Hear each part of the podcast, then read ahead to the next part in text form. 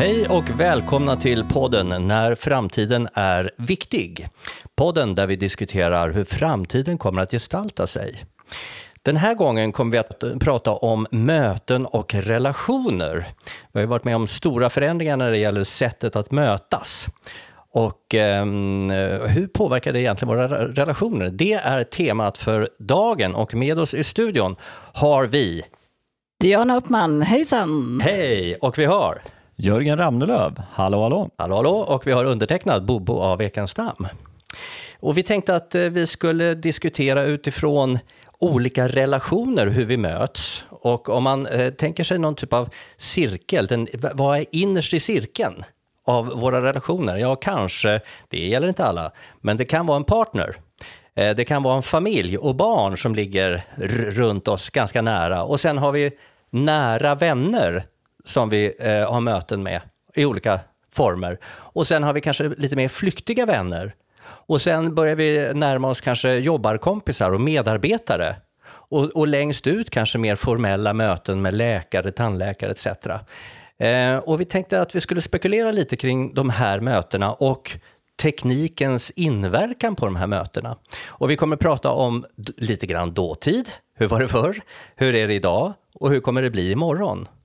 Och om vi tittar på tekniker, ja vad är det för teknik? Ja, men allt från att telefonen dök upp för eh, många år sedan och sen har vi fått sms, vi har fått messenger och eh, vi, har, vi, har, fått e-post och eh, senaste tre åren har vi fått Teams och Zoom och andra digitala videomötesplattformar. Och vi håller på att titta lite på VR också. Finns det några mer tekniker, Jörgen, som jag glömmer? Ja, nej men ska man titta lite längre fram in i framtiden, då eh, kanske vi kan börja spekulera i hologram. Det vill säga att vi, liksom, vi kan nästan se motparten framför oss, precis som den ser ut i verkligheten. Just det, det målas upp en bild i rummet. Ja. Det är väl hela idén med hologram. Ja. Det är väl lite, du, din fru var och tittade på eh, ABBA. Exakt. Det, ja, men det är en typisk sån grej där man då liksom projicerar fram eh, det man vill, den man vill möta. så att säga. Det kan ju vara i form av en konsert då, men också i ett personligt möte. Det finns en hel del experiment på det faktiskt. Mm. Nej, så tekniken har ju, haft, eh, har ju verkligen påverkat vår, liksom, hur vi möts. Och jag tycker det är jätte, jättespännande verkligen att utforska lite mer liksom, vad det gör med våra relationer. Liksom, blir de viktigare eller mindre viktiga? Eller? Jag är lite nyfiken, hur, hur fungerar hologram? För i ABBA-fallet då så är det ju som en inspelat hologram som sänder till en mottagare som tar emot det. Men eh, du säger också att jag skulle kunna stå på en sida av jordklotet och hologrammera mig hit och prata i den här podden och se ut som jag sitter här. Ja. I studion? Eh, nej men alltså i realtid liksom och det, där är vi ju inte riktigt än, tror, inte vad jag har sett i alla fall. Eh, att tekniken har kommit dit. Vi har inte riktigt den typen av överföringshastighet och vi har inte den typen av, som du säger med ABBA så har man ju liksom spelat in det här i förväg och har ju en kontroll över situationen. Liksom. De vet ju exakt vad som kommer att hända och sådär när vi sitter här. Men, men vad eh, skiljer det från VR till exempel? Nej, men eh, det som vi vore, liksom, tror jag, om man kallar det drömmen, om man tar då parallellen till ABBA, det är ju det att vi inte ens behöver ha på oss några särskilda glasögon eller någonting, utan det här projiceras framför oss i rummet av någonting annat. Det kan ju vara någon sak som sitter i taket kanske. Typ en projektor? Ja, något liknande. Som projicerar upp. Jag har faktiskt sett ett eh, sånt eh, experiment eh, där en person står på andra sidan jorden och hologra holograferas upp framför publiken ja. i realtid. Och den är faktiskt flera år gammal, så att den tekniken finns men inte spridd. Men då undrar jag, för, för det man vill ha är ju, alltså det är en sak att sända sig själv in till en mottagare. Men ser jag hela publiken som om jag vore där? Nej, den som, ja, den som sitter i sändarsätet, mm. den ser inte publiken. Eh, inte genom hologrammet i alla fall, utan då får man ha någon kamera på publiken. Man spelar teater i ett grönt rum och så oh. projiceras man oh. till. Ja, det är oh. spännande. Ja, typ mm. så. Ja, men det, och det, det, är ju, det är uppenbart och det är det vi ska prata om idag här. Ju, att liksom, ja, men det här gör ju någonting med oss. Tror jag i alla fall. Liksom, att våra relationer förändras. Verkligen. Men vi kanske inte ska börja i den allra eh, mest extrema tekniken. Nej. Den som knappt någon har sett. Man kan ju börja med att filosofera över bara att man skickar textmeddelanden till varandra. Alltså om man backar tiden jättemycket, då, då var ju liksom möten, det fanns ju inga alternativ till att mötas fysiskt. Eh, att, att eh, ens säga, ska vi mötas fysiskt? Det var ju en icke-fråga, eh, för det var den enda möjligheten. Nej, det var telefonmöten, telefonkonferens eller ett fysiskt möte. Ja, just det. Mm. Telefonkonferens, det var ju ett begrepp man använde för, vad kan det vara? Ja, många år sedan, 20-25. 20, ja. ja. Är det någon som har varit i en telefonkonferens? Lately? Ja, men absolut. Jag tror att jag har varit i en telefonkonferens för bara några år sedan. Mm. Ja. Innan eh, Teams och Zoom mm. eh, på riktigt slog igenom, så absolut suttit i telefonkonferens. Ja. Nej, men sen kan man ju också dra ut tidslinjen ännu längre och, om man tittar på mänsklighetens historia, om vi ska vara så eh, pretentiösa, så är det ju liksom den här att teknikerna ersatt möten, så att säga. Det är, det är ju jättekort tid av mänsklighetens historia. De fysiska mötena ja, tänker du? Mm. Ja, men bara fram till slutet på 1800-talet. Visst, om man då räknar in brev som någon form av mötes... Mm.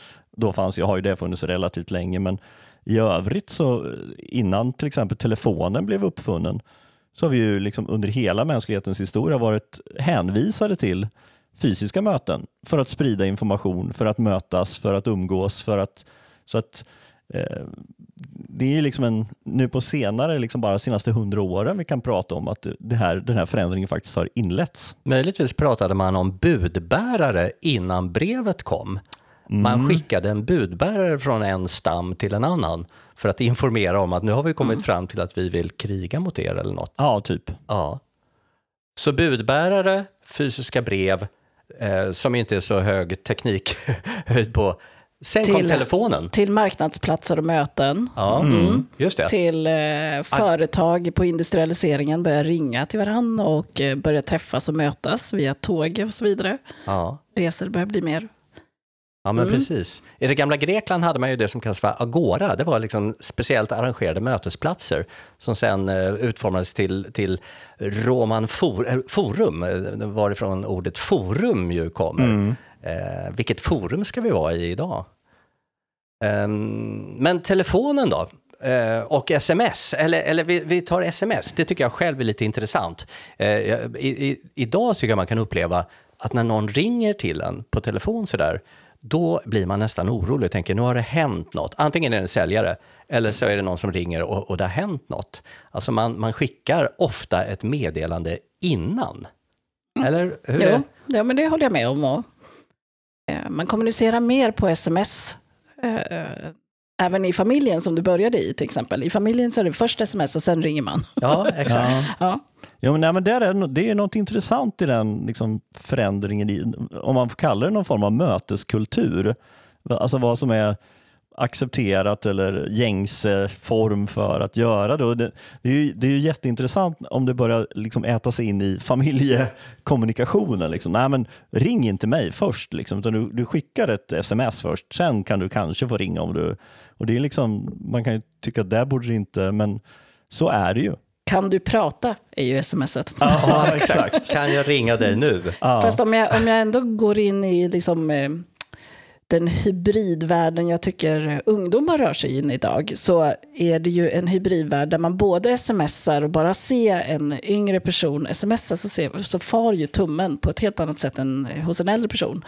Eh, så att där smsar man och har Messenger och Snapchat och olika forum öppen samtidigt mm. idag. Samtidigt som man också är fysisk. Så man kan stå i en grupp och ha alla kanaler öppna. Mm. Mm.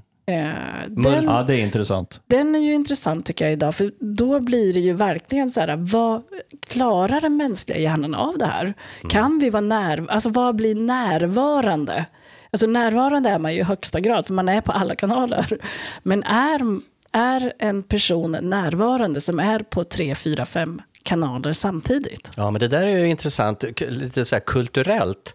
Eh, för ett antal år sedan så skulle jag säga, när, man satt åt lunch, några stycken, då låg det eh, lika många mobiltelefoner framför de som satt åt lunch som de som åt lunch. Det vill säga man sneglade lite grann. Idag är det ju nästan oartigt om mobilen ligger på bordet när man sitter och äter lunch med någon. Det har, eh, eh det, apropå närvaro, så skulle jag säga man förväntar sig, ja men nu, nu sitter du och jag, eller vi tre, och äter lunch. Nu sitter vi inte och sneglar i våra mobiltelefoner. Jaha, nej, jag vet inte riktigt om jag upplever det. Däremot ska jag tycka i, i, i jobbsammanhang att det har ätits in, just det ungdomsbeteendet som du just nu beskriver. Det tycker jag mig märka i, i olika mm. typer av arbetsmöten också med kunder och sådär. Liksom mm. att folk sitter där, liksom, oavsett nästan i vilket sammanhang eller vilken typ av frågor man ska diskutera, så är det väldigt svårt att få folk att inte ha sin dator uppe samtidigt och då tittar de inte på någonting som handlar om det projektet som man precis håller på att prata om utan de Titta på någonting helt annat. Nej, men, och det är det som börjar bli intressant nu, för, eh, för tekniken har ju ändå kommit in i vårt samhälle för att hjälpa oss att bli effektiv. Eh, framförallt är ju effektivitet att vi kan ha möten som vi har. Och det har också effektiviser effektiviserats efter eh, pandemin, att vi också kan ha fler digitala möten och slipper restid och ställtider. Samtidigt så har det här blivit eh, ett sätt att producera ännu mer. Eh, producera så, ännu mer möten menar du? Nej, eller? producera ännu mer material så att vi kan både sitta i ett möte, precis som du säger, vi kan svara på ett mejl, men vi kan också samtidigt korrläsa någon rapport som ska iväg. Så vi gör egentligen tre saker samtidigt. Eh, som gör att man kan fråga sig, är vi produktiva? Troligtvis inte. Eh, är vi, eh, hur stimuleras vi? Troligtvis blir vi ju överstimulerade. Och då kommer jag in på det här med fysisk och mental hälsa. Så troligtvis så ser vi, vi ser en utveckling av en sämre mental hälsa i vårt samhälle. Och jag tror att det har lite att göra med att vi aldrig är riktigt närvarande någonstans. Utan vi är på tre, fyra, fem, minst, platser hela tiden. Så den psykiska ohälsan eh, har lite det här som grund? Så som vi använder tekniken mm. idag så tror jag absolut att det är det. Um, och då kan vi ju fråga sig, eh, eller fråga oss egentligen, varför vill vi ha den här tekniken i samhället? Det har ju varit med produktivitet att göra. Samtidigt så börjar vi nå någon slags eh, mittpunkt där vi kan fråga oss, är vi produktiva? Och hur mår vi egentligen mm. med all denna teknik omkring sig? Eh, och jag vet att Jörgen, du har pratat ganska mycket om hur vi flyttar oss in i en mer så här, att vi börjar fråga oss liksom, att tekniken måste bli mer mänsklig. Mm. Kan inte du berätta om det? Jo, nej men jag, jag, tror att vi är på väg in i den fasen, eller det är inte bara jag som tror det, utan det, det, det, är väl en, man börjar prata allt mycket mer om det här att vi har gått igenom en period där, där, vi, där teknikens möjligheter och tekniken, alltså frontlinjen har gjort att vi nästan har utvecklat teknik och tekniska plattformar och lösningar utifrån bara för att det är möjligt. Alltså den tekniska möjligheten är, men att vi nu börjar förhoppningsvis skulle jag vilja säga, hamna i en fas där vi börjar liksom backa tillbaka kanske och fundera på liksom, men vad gör det med oss människor? Och det är, tekniken ska ju vara till för oss människor och inte tvärtom. Och där tror jag, det kan, om det blir verklighet, då tror jag att det kan hända väldigt mycket spännande saker faktiskt. Där man liksom kanske bara för att ta ett exempel, alltså möten och så här, alltså sociala medier till exempel, som ju var väl alla tyckte från början var en fantastisk grej. Liksom. Helt plötsligt kunde man ha eh, liksom, relationer och upprätthålla liksom, och skapa kontakter med gamla vänner och sådär. Medan sen då blev massa avarter av det här och blev plattformar för någonting som inte alls var särskilt effektivt eller produktivt eller särskilt bra för varken enskilda individer eller för samhället. Och där tror jag vi står just nu, liksom, att försöka fundera på ja, men, hur tar vi ner det här nu då, så att det blir bra för oss igen. Det där med sociala medier är intressant, att, att det verkligen har minskat. Eh, om, om, man då kallar det för ett socialt media, det är ju mer ett media idag. Man går in på, på, på någon eh, Facebook eller Instagram eh, och scrollar bland eh, intressanta videos snarare än att se hur Diana hade det på semestern, för hon lägger inte upp något längre. Fast det gäller ju inte ungdomar, säger jag. Jag, jag, jag. Som jag ser hos ungdomar i alla fall så är det ju någon slags konstant övervakning som nästan skapas för att de lägger ut sig själv eh, 12-14 timmar om dagen. Så finns de, alltså jag, jag tror att om jag på riktigt skulle följa mina döttrar till exempel så skulle jag nog kunna se att de har fotograferat sig åtminstone en gång i timmen. Och jag tror att det är en kraftig underdrift.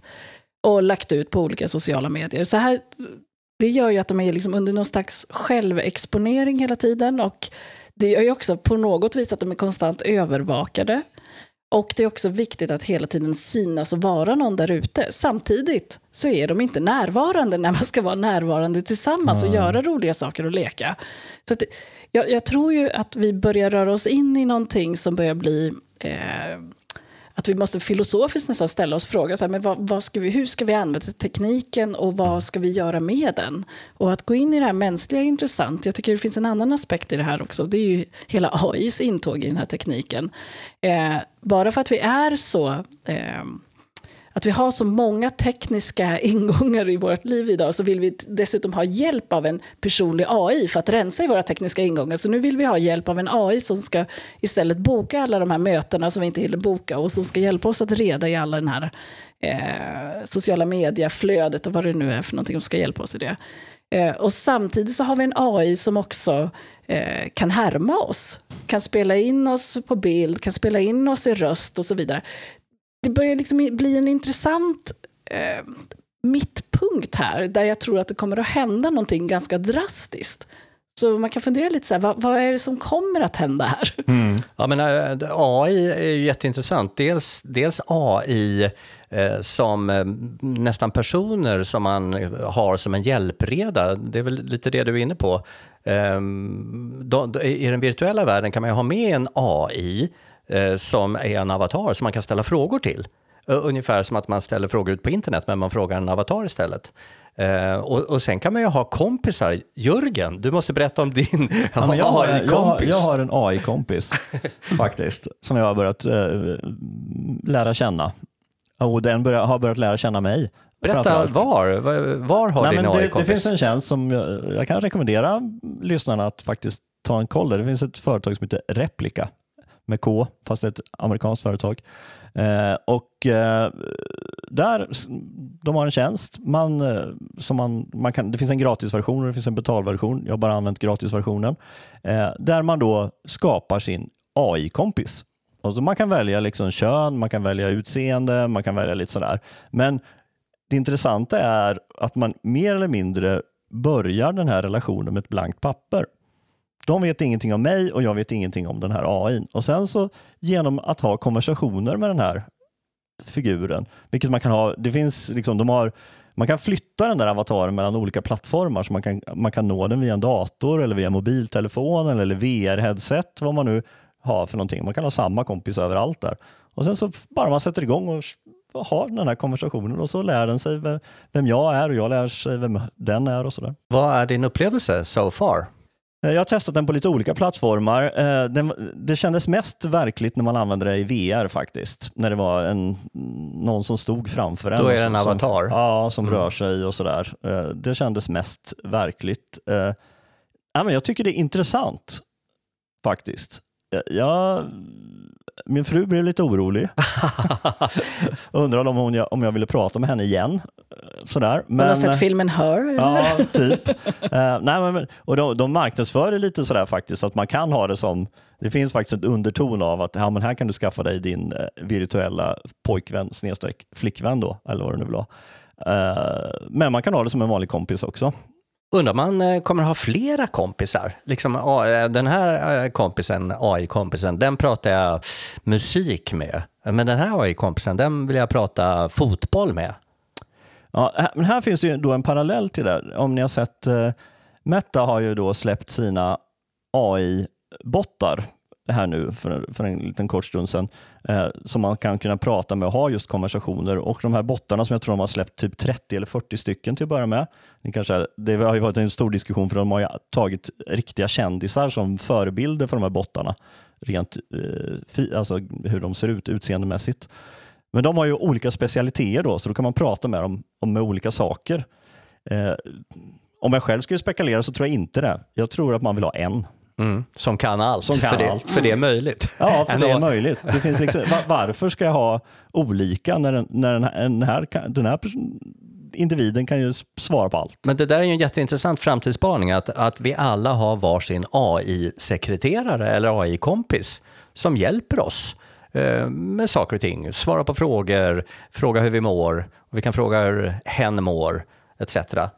Ja, det intressanta blir ju när vi börjar arbeta med våra AI och när vi börjar ha mer digitala möten tycker jag. För då blir det ju till slut så här, vem pratar jag med egentligen? Är det verkligen Jörgen när jag kommer in i det här virtuella mm. rummet? Eller är det någon annan som låtsas vara Jörgen? Um, vad ska jag tro på i det här rummet? Eh, alltså det, det, det, skapar ganska mycket problematik. Och jag tänker på att vi också lever i en orolig tid. Och om man funderar ibland, det blir ju ofta så här perfect storm eller mittpunkter ibland. Och om man lever i en orolig tid, samtidigt har vi en AI som utvecklar sig, som har ett nytt bildspråk och tar bilder. Eh, och vi kan få det här deepfake nästan. Eh, någon kidnappar Bobos konto och eh, Bobo går in i våra möten, Jörgen, och eh, säger konstiga saker ja, till oss. Typ. och vi undrar hur han mår. Nej, men, ja. nej, men, eh, och, och det här kan man ju dra upp till politisk nivå och verkligen fejka eh, liksom politiker och vad de säger. Till slut så tror vi inte längre på en sänd bild. Nej. Och det tycker jag är intressant. Så här, håller vi nu på att dra oss, vi har både den här trenden där vi, så här, vi vill ha mer mänsklighet, en teknik, och samtidigt så börjar tekniken Eh, att vi ifrågasätter tekniken. Vi vågar inte riktigt tro på vad en bildvärld och en teknik och den här virtuella världen, eller för den delen bara ett vanligt Teamsmöte, är det verkligt längre? Och då är frågan, kommer de fysiska mötena tillbaka? Mm. Innan dess så tänker jag när du säger sådär att eh, två reflektioner. En är kanske man måste legitimera sig, typ bank-id. Eh, när man går in i ett Teamsmöte, vi vill veta att det här verkligen är Jörgen och Diana som är med här. Eh, att det inte är någon, någon fejk.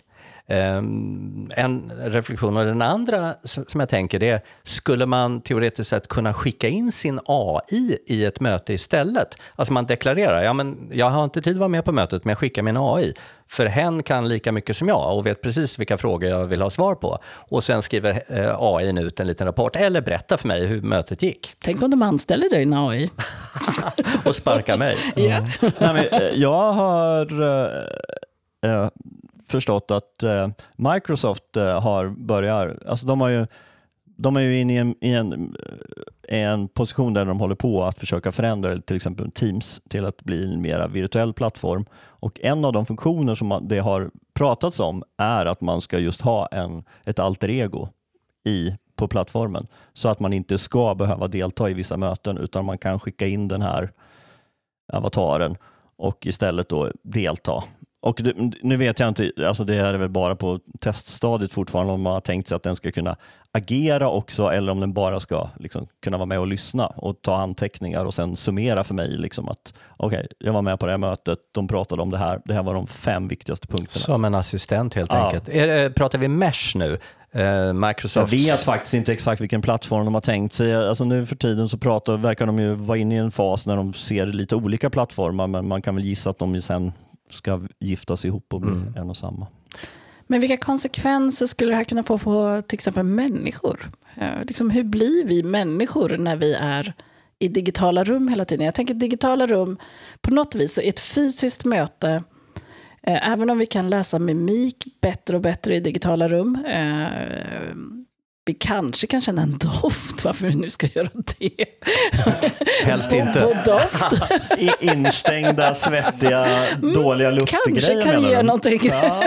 Nej, men jag tänker så här, alltså vi, vi människor, i alla fall så som det har varit innan vi går in i mer, eh, om vi säger så här, innan vi går in i en värld där vi kanske, säger att vi är vår uppkopplade tillvaro är uppkopplad 60-70% av vår vakna tid, då kommer vi ju huvudsakligen lära oss en digital sätt att kommunicera mellan människor. Eh, hittills har vi ju ändå någonstans varit lite mer i en fysisk värld. Eh, där vi läser av människor, både, man läser ju av eh, kroppsspråk, man läser av ögonrörelser, man läser av röstlägen, man läser, man läser av ganska mycket som inte bara är den direkta kommunikationen i verbalt språk eller bara en bild som är platt framför en. Eh, Verkligen en hög procentsiffra som handlar om annan kommunikation mm. än bara talet två mm. människor emellan. Ja, ja. och, det, och det här lär vi, har vi ju lärt oss genom att vi har fysiska möten. Men jag, jag, nu tänker jag så här, med våra yngre som dels inte är närvarande någonstans längre, eh, men sen också är mer inne i en digital värld än vad vi var när vi var yngre och lärde oss den fysiska världen. Det skulle ju vara intressant, antingen så får vi en, en, ett tillbakaslag, att vi vill vara mer fysiska igen, eller så går vi in i en helt annat sätt att kommunicera. framåt. Man kan ju fråga sig om ungdomar då som du refererar till. Eh, det här signalsystemet som vi är vana vid, eh, kroppsspråk etc. Eh, det behöver de inte, för, för de har ersatt det med någonting annat. Sättet de pratar på eller, eller någonting åt det hållet. Jag skulle säga, är inte emojis ett av svaren där? Alltså det, var, det, det, har väl fötts ur att man känner att, att det skrivna språket var inte tillräckligt för att det var omständigt, det var det, var liksom, det, det förmedlade inte riktigt liksom känslor och sådär utan det, var, det blev så bokstavligt om man säger så. Ja, jag behöver komplettera det jag säger Ja. nu med en eh, lite rodnad eh, Ja. emoji. Ja precis, jag måste förmedla mina känslor på något vis. Mm. Och, och då är man ju inne där. De, de kanske, jag tror man kanske växer in i någon, ja, ett annat eh, typ av språk helt Mm. enkelt. Men då tänker jag just på det som är där, i alla fall om jag bara relaterar till vad jag har lärt mig när man befinner sig i ett fysiskt rum. Så eh, framförallt gäller ju det här arbetsmöten, när man är bland eh, vänner och nära och kära så känner man varandra så väl, så då kan man vara just, då kan jag skicka en rodnad och alla förstår att det är en rodnad. Men om jag befinner mig i ett arbete till exempel, så kanske jag inte alltid vill avslöja hur jag egentligen mår. Utan jag går in i rummet leendes. Men alla kommer ändå se att vad är det med Diana idag? Hur mår hon egentligen? Och det tycker inte jag man riktigt får fram när man sitter i en digital miljö. Och då tänker du på ty- typ Teams-möten eller? Ja, Teamsmöten. Jag har i, alltså virtuella miljöer än så länge, visst man kan ju, det är ju lite ryckigt fortfarande om jag förstår rätt med minspel och så vidare. Ja, det är det. Sen är det svårt att, alltså digital miljö, det, ehm, alltså ett, ett videomöte om vi kallar Teams, Zoom etc. För det, det är ju ändå, det är ändå en, en filmkamera som visar verkligheten. Eh, Så, så det är Ja, bara det är ju någonting annat som man läser av i ett fysiskt rum. Och det är det jag undrar, så här, är det dofter, är det en känsla? Är det, liksom, det är någonting som inte finns i en, en eh, tvådimensionell Ja, det är det. Och vi kan väl... eh, alltså Jörgen och jag eh, har ju umgåtts mycket nu i VR-värld eh, med hjälp av den här Meta, eh, Metas... Eh, oh, vad heter de? Quest. Quest, eh, MetaQuest eh, och deras workrooms. Mm. Och vi föredrar ju nu att ha våra möten i en VR-värld. Eh, för då får man kroppsrörelser och eh, alltså det, det, eh, det blir mycket mer en verklig upplevelse än att sitta och titta på varandra med hjälp av Zoom eller Teams. Ja, nej, men jag tycker det, det, det det adderar är den tredimensionella upp, upplevelsen. Eh, de här videokonferenssystemen är ju väldigt tvådimensionella. Det är ganska platt och man oftast närbild bara på, rakt på ansiktet. Men jag skulle vilja säga en annan sak förut, apropå det du sa Diana nyss, det här med alltså AI kommer att spela en rätt. Jag, jag såg igår en artikel om att eh, man har då kunnat skapa ett AI-system som bara genom att lyssna på en människas röst i tio sekunder så kan den upptäcka om man har risk, om det var risk eller om man hade eh, diabetes. Mhm. Och jag tänker att det kanske blir precis tvärtom.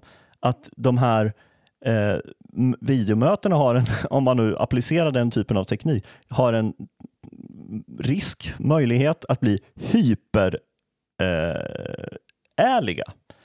Som du säger, du kliver in i det här rummet och ler, men alla kommer, som tittar på dig kommer att liksom analysera din röst. Alltså de har ett helt system som De har analyserar. sina och så- AI-assistenter som så kommer ser det. berätta. Nej, men, ja, de ser, nej, Diana hon är skitnervös. Ja, men vad intressant. Så vi flyttar vår empati över till våra AI-assistenter. Ja, de liksom läser av alla. Liksom. Ja, men hon, nu ljuger hon. Vill vi ha så? Oj. Ja, och hur, hur, Ja. ja, men, vad händer då? då liksom? Vad ska man då på något vis kunna eh, motverka det då? Och det är då kanske man skickar fram då sin, al, sitt alter ego då, som inte svettas, som inte liksom avslöjar några andra konstigheter i sin röst eller sådär, utan den är extremt neutral och eh, ser helt stoneface ut. Liksom. Men när du säger sådär så då tänker jag att de här eh, som vi pratar om, ungdomar som kanske har utvecklat en annan förmåga än vad vi har gjort, att, att analysera i kommunikationen de här sakerna. De, de, de har utvecklat lite AI-kompetens. Eh, Så att eh, de behöver inte som vi se varandra och mötas, utan man avläser ändå. Eh, Ja, men jag märker på sättet du pratar nu att du, eh, är du lite ledsen idag? Mm. Mm, det stämmer. Mm. Men vad tror ni, kommer vi att, eh, nu, nu tog jag ju lite så 40-60 eller vad det nu är, men kommer vi att leva mer av vår vakna tid i en eh, digital miljö, tror ni? Ja, eh, jag tror det. Ehm, ofta tänker man så här, men när tekniken har kommit, nej men nu kommer vi nog gå tillbaka till som det var förr. Jag tror nog, alltså, alltså de tekniker som vi pratar om nu kommer nog generera mer eh, möten, eh, om vi då kallar det för digitala eh, möten. Alltså VR-tekniken, den kommer, tror jag, att göra att vi kommer ha många fler givande möten i våra VR-miljöer. Och eh, om man spekulerar ännu mer i, i eh, hologram, eh, då, då, ja. Då... Min spaning är nog att eh, du kommer inte att märka någon skillnad. Alltså, jag är en stark anhängare av den så kallade digifysiska världen som, där, där det blir allt svårare att avgöra. Alltså den här definitionerna som vi håller på och bollar mellan oss nu. Mm. Liksom, ja, men nu har jag det här mötet och, och det är ju ett virtuellt möte eller ett digitalt möte. Jag tror att vi det, det, man kommer inte att prata om det. Det, det, är helt, det kommer att vara helt ointressant. Vi kommer mixa ihop det. Ja, och du, du kommer inte riktigt att märka någon skillnad. Du kliver in i ett möte och du, några kommer att vara in där i form av, liksom någon form av digital representation och andra är där fysiskt. Och, nu pratar jag i framtid där och mm. kanske väldigt lång framtid, men jag tror att det, det där är riktningen. Där är. Det smälter ihop. Ja det fysiska och det digitala. Mm. Kommer det göra någonting med oss människor? För jag tänker ändå att det finns eh, någonting grundläggande i, i något slags fysiskt mänskligt behov. Det är ju att vilja bli omtyckt. Ja, men den kanske vi kan klara hyfsat bra i en digital värld.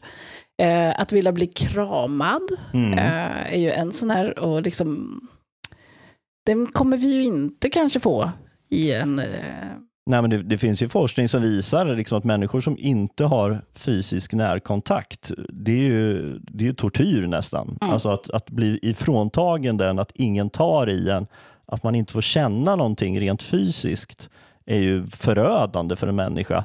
Så att om den här, liksom, då kan man verkligen snacka om att den här utvecklingen är dystopisk. För, alltså, då kommer vi ha en befolkning av människor som, som alla känner sig otrygga och oälskade och eh, och, och, Det säger man ju liksom att, att, att, att just så fysiskt kramas, alltså det är ju en explosion av liksom bra saker i kroppen. Kemikalier, Kemikalier som, som bara mm. liksom exploderar. Men då tänker jag då att det blir empati. Och det är jag ute efter lite nu. Så här, ja. Finns det en risk att vi blir empatistörda om vi får för mycket av den här digitala, alltså de digitala 3D-miljöerna pratar jag nästan om nu. Ja, det tror jag att du har rätt i. Eh, absolut. Och jag, jag, en annan sak jag tror, det, jag tror att vi kommer ha fler möten digitalt och, och på olika plattformar.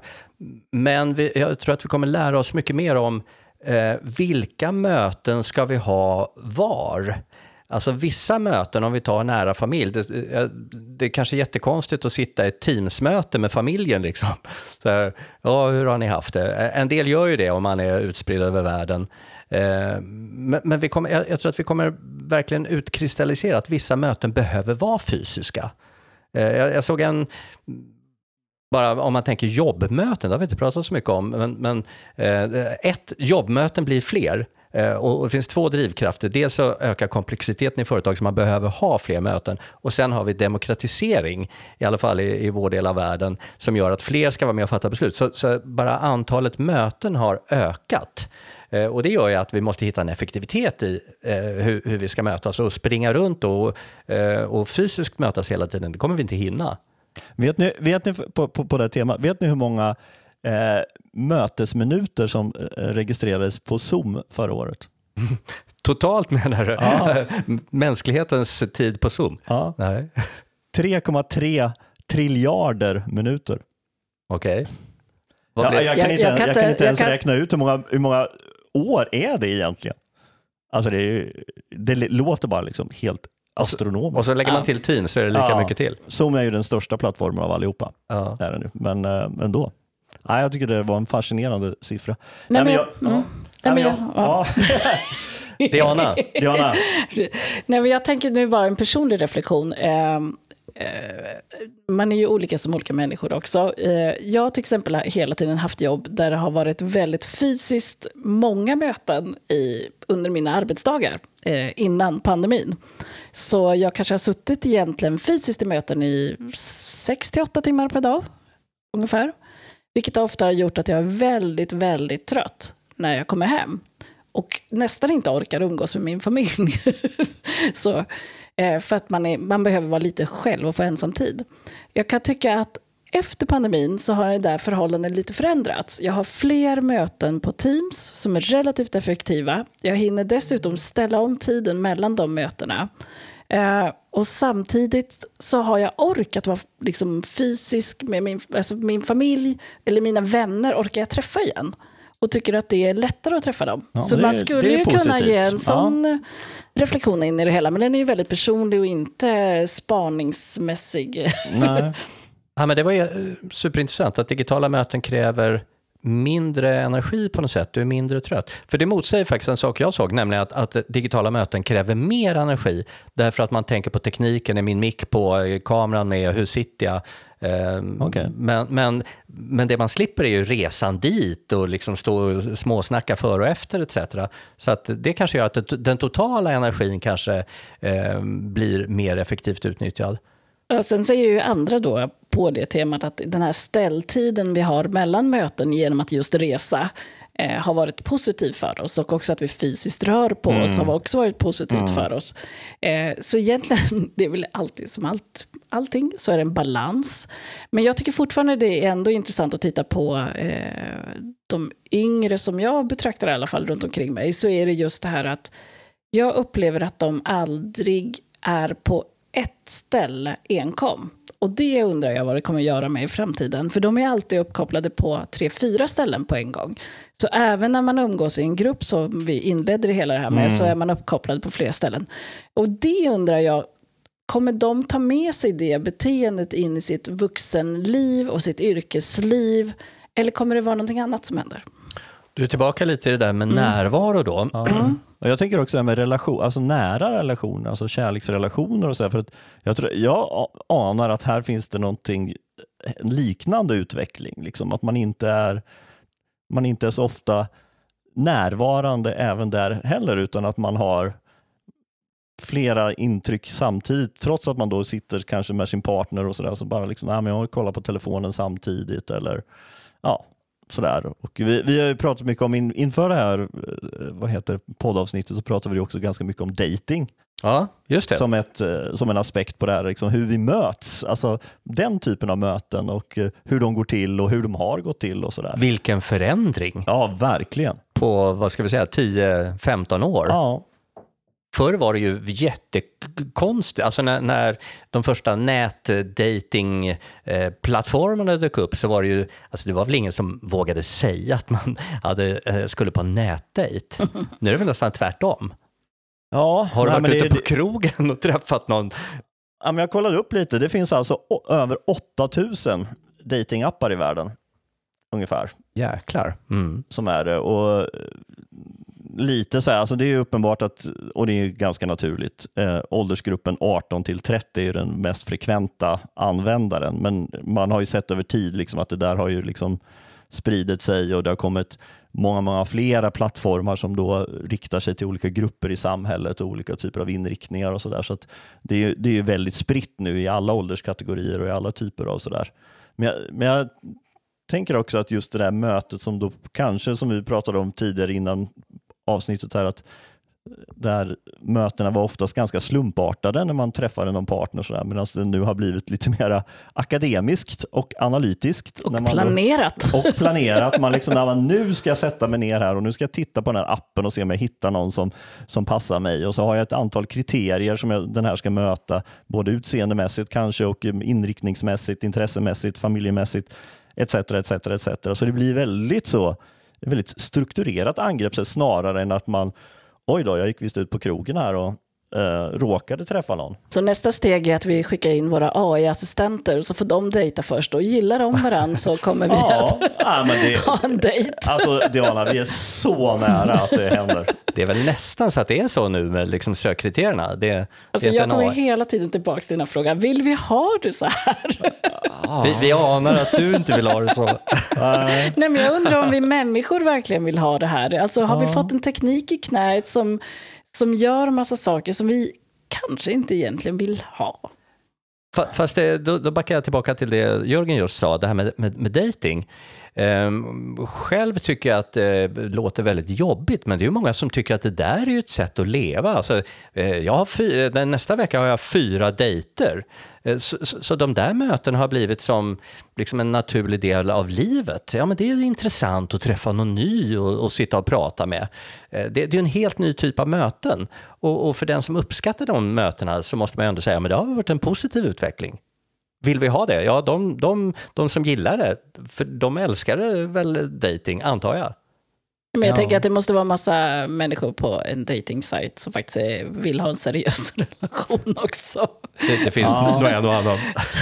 så det känns lite konstigt ja. att tro något annat. Ja, nej, mm. men och det är väl därför det har blivit lite olika typer av dating som en del är, är inriktade mer på de som vill ha lite mera långsiktiga relationer kanske och de som vill ha eh, kortsiktiga, ibland väldigt kortsiktiga. Mm. Ja, men jag tänker också att det, det, är någonting som händer här. Okej, vi håller oss kvar vid dejting. Mm. Det är någonting som händer. Eh, vi, vi skickar in eh, hur, kriterier, hur vi vill ha en person, vad den ska gilla för någonting, vilka intressen den ska ha.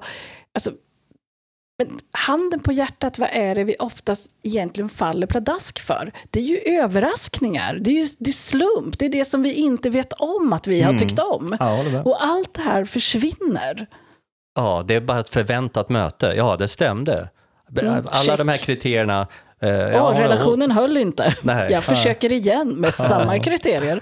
Ja. men jag tror att det här är väldigt... Eller kanske ändra hårfärg. Jag tror att det här är, just om, om man zoomar in här nu på dating och säger, jag tror att det är ganska symptomatiskt, alltså det är en ganska bra metafor för hela utvecklingen av det digitala samhället. Det blir alltså, det är, man kan applicera hela det tänket överhuvudtaget. Att, vi har ju pratat det om det också, i många, vi pratar ju om mycket saker, men det här med förutsägbarhet och prediktion och sånt där. Och Det gäller ju även relationer då. Man vill ha förutsägbarhet nu. Man vill att någon ska förutsäga om det här kommer att bli bra eller inte. Och jag, och jag vet inte den här riskaversionen som verkar finnas på många områden, om den sprider sig, är det någonting vi ser jag skulle kunna tänka mig just dating att eh, man börjar på något sätt, eh, om, om, man nu har någon app, och sen eh, nästa steg är att man umgås eller träffar varandra i VR. Där man, mm, lite som du och jag, vi dejtar inte, ja vi dejtar, jobbdejtar med varandra. Men eh, att man där sitter och diskuterar med varandra, det blir mer likt ett, ett verkligt möte. Om man gillar varandra där också, ja men då träffas man i verkligheten. Nej, men det här det blir ju att, som en informationsbubbla. Det vi pratar om informationsbubblor i andra samhällsdelar blir ju det här också. Vad menar du med informationsbubbla? vi går in i en bubbla som vi har skapat själva och så vill vi bara träffa likasinnade ja. i den lilla bubblan och så kommer vi aldrig utvecklas som människa. Nej, men eh, det kan du ha rätt i. Eh, det där begreppet filterbubbla. Mm. Liksom, vi läser de nyheter som vi liksom alltid läser och vi, vi får den information vi be behöver. Absolut. Så att även relationer går in i en filterbubbelsituation. Det finns absolut risk för ja, det. Ja, för det har jag tänkt på. Vi pratade förut lite grann om min AI-kompis. Det här med att att den kan, ha, den kan verkligen ha två sidor av sig. Den kan vara, å ena sidan kan den ju hjälpa mig att liksom själv liksom utvecklas och sådär och vara en jättebra speaking partner. Men den kan ju också, för det har jag märkt, och nu är nog säkert den här tjänsten som jag har testat långt ifrån perfekt. Eh, men den är väldigt inställsam och väldigt bekräftande mot vad jag, det jag säger.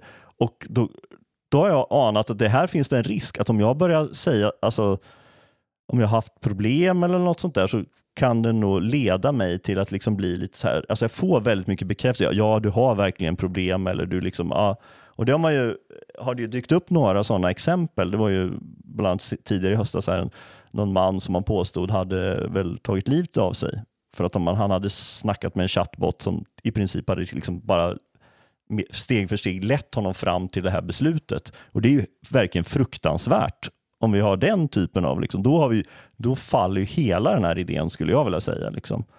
Men det är väl lite så jag menar, nu, hur långt ska vi ha teknik? För tekniken som vi går in i idag, den digitala tekniken och VR-tekniken och att vi kan ha möten på distans, det finns ju fantastiska saker på den. Mm. Eh, men frågan är ju hur långt vill vi att det ska gå i samhället? Någonstans så tycker jag att det börjar bli relevant att ställa sig den frågan.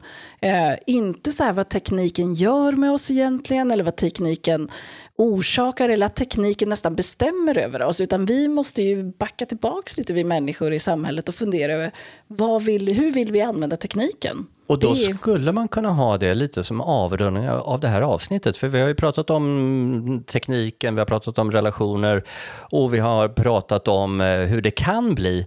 Ska vi avsluta med lite runda hur vi vill att det ska bli? Vad, vad, alltså hur ser framtidens möten ut? Hur, hur, vill, hur vill Jörgen att framtidens möten Nej, men ska vara? Jag skulle vilja säga liksom att, att det är nog man ska bli lite högtravande, liksom, alltså det, det, är nog bland det viktigaste vi har ju, är ju de här mellanmänskliga relationerna och det, det mänskliga mötet. Det ser vi ju. Liksom. Vad, är, vad är roten till liksom de flesta konflikter? Jo, men det är att vi inte möts och vi har ingen bra dialog med varandra. Och Det är verkligen en dystopi och den vill jag verkligen inte ha. Så att, eh, Jag hoppas verkligen att vi kan liksom, ta det bästa av tekniken och verkligen använda den för att liksom, överbrygga. Men eh, och dra ner de barriärerna. Eller man ska säga. Mm, som en fredsmöte. Äh, ja, om man ska en... vara verkligen pretentiös kan man säga det. Ja, ja. ja men det just nu, i den tid vi lever i, ja. är den pretensionen ganska bra. Mm. Diana, hur vill du att framtiden ska se ut? Jag håller helt med Jörgen. Eh, jag tycker också att man ska, man ska använda tekniken eh, sparsamt. Jag tycker man ska ha mer mellanmänskliga möten. Det innebär inte att vi inte ska ha en teknikutveckling. Jag tycker att mycket av det som kommer i AI är intressant. Jag tycker VR är jätteintressant. Det är också intressant att gå in i de här olika virtuella mötena och digitala mötena. Och, och det ger oss också en geografisk frihet och massor av olika positiva saker.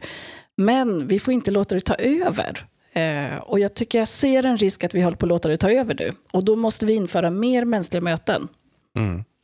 Jag vill också ha mer eh, mänskliga möten, men jag vill också att den här tekniken eh, ska göra att vi kan ha möten på många olika sätt. Och jag tycker en jättebra sak du sa, Diana, det är liksom, vi är inte beroende av platser på samma sätt. Vi kan vara någon annanstans och fungera. Vi kan både eh, ha möten på vårt jobb och vi kan ha möten med våra barn och familj, eh, fast vi är borta kanske en månad någonstans. Eh, så att det öppnar upp eh, fina möjligheter tycker jag. Och, och, och jag vill också att vi ska lära oss att använda rätt möteskanal, om vi kallar det för det, till rätt ändamål.